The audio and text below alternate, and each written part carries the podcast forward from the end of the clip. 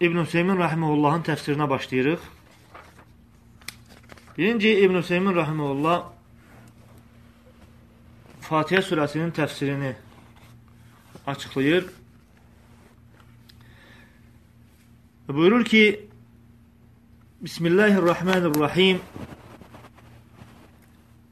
Suratul Fatihəti summiyət bizəlikə liənnəhu iftətəhə bihəl Qur'anul Kərim.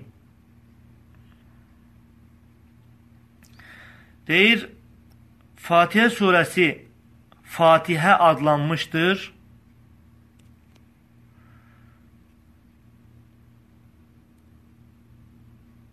Deyir ki, Fatihə surəsi Fatihə adlanmışdır. Çünki bununla Qur'an-ı Kərim açılır. Və qad qilə innəhə əvvəlu surətin nəzələt kamilətən. Və həmçinin deyilmişdir ki, Fatihə surəsi kamil olaraq nazil olan birinci surədir. Həzihi surətə qaləl uləmə innəhə təştəmilu alə مجمل معاني القرآن في التوحيد والأحكام والجزاء وطرق بني آدم وغير ذلك. Bu surə, alimlər deyiblər ki, bu surə haqqında, bu surə Qur'anın mənalarını mücməl olaraq, yəni qısa olaraq, Qur'anın bütün mənalarını özündə əhatə eləyib. Tövhid, əhkamlar və həmçinin cəza, Adəm övladının yolları və başqa, yəni bütün Quranda gələn bütün şeyləri qısa da olsa özündə əhatə eləyib. Və lidəlikə summiyyət ummul Qur'an. Ona görə də Bu surə Qur'anın anası adlanmışdır. Necə ki, hədislərdə gəldiyi kimi. Və şeyx buyurur ki, "Vəl-mərci' liş-şey yusamma umman." Yəni, o şey ki, məsələlərdə ona qayıdılır, o deyir ki, um adlanır. Yəni, o, yəni o işin onun anası. Və deyir ki, "Və hadihi sura laha mümeyizat tetemeyyezu biha an gayriha. Və bu surənin başqasının başqalarından seçildiyi bəzi şeylər var.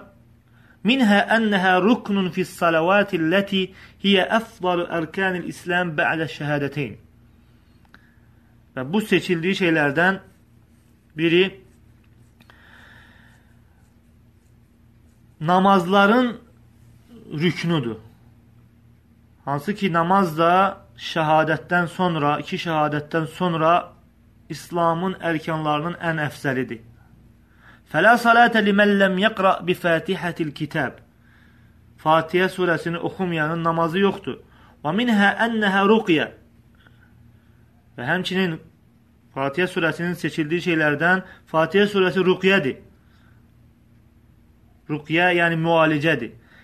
إذا قرئ بها على المريض شفي بإذن الله.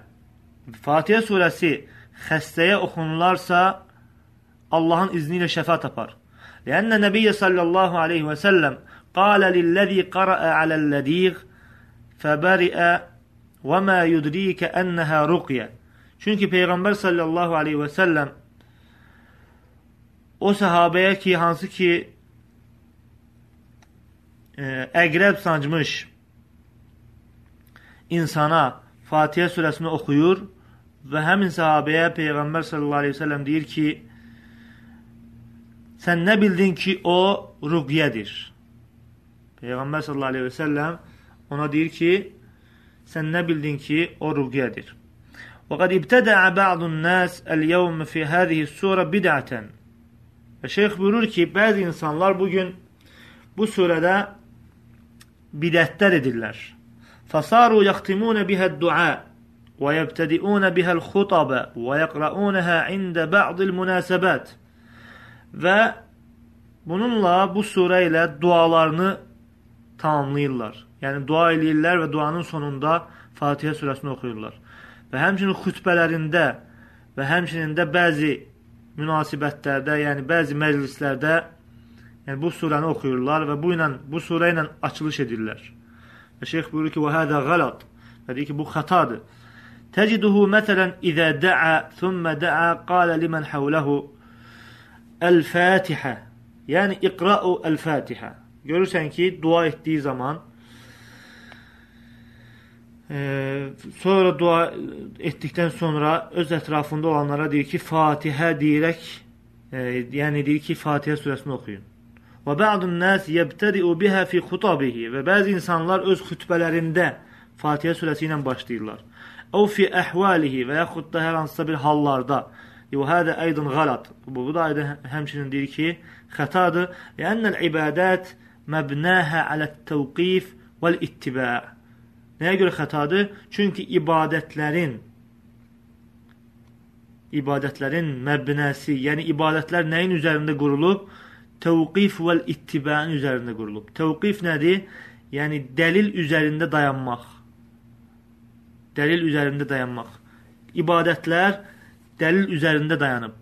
Və həmçinin də tabeçilik Peyğəmbər sallallahu aleyhi və səlləmə tabeçilik üzərindədir. Təvqifiyyədir. İbadətlər təvqifiyyədir. Quran, sünnədən olan dəlillər üzərində dayanmışdır. İxlasla.com saytı tərəfindən təqdim olundu.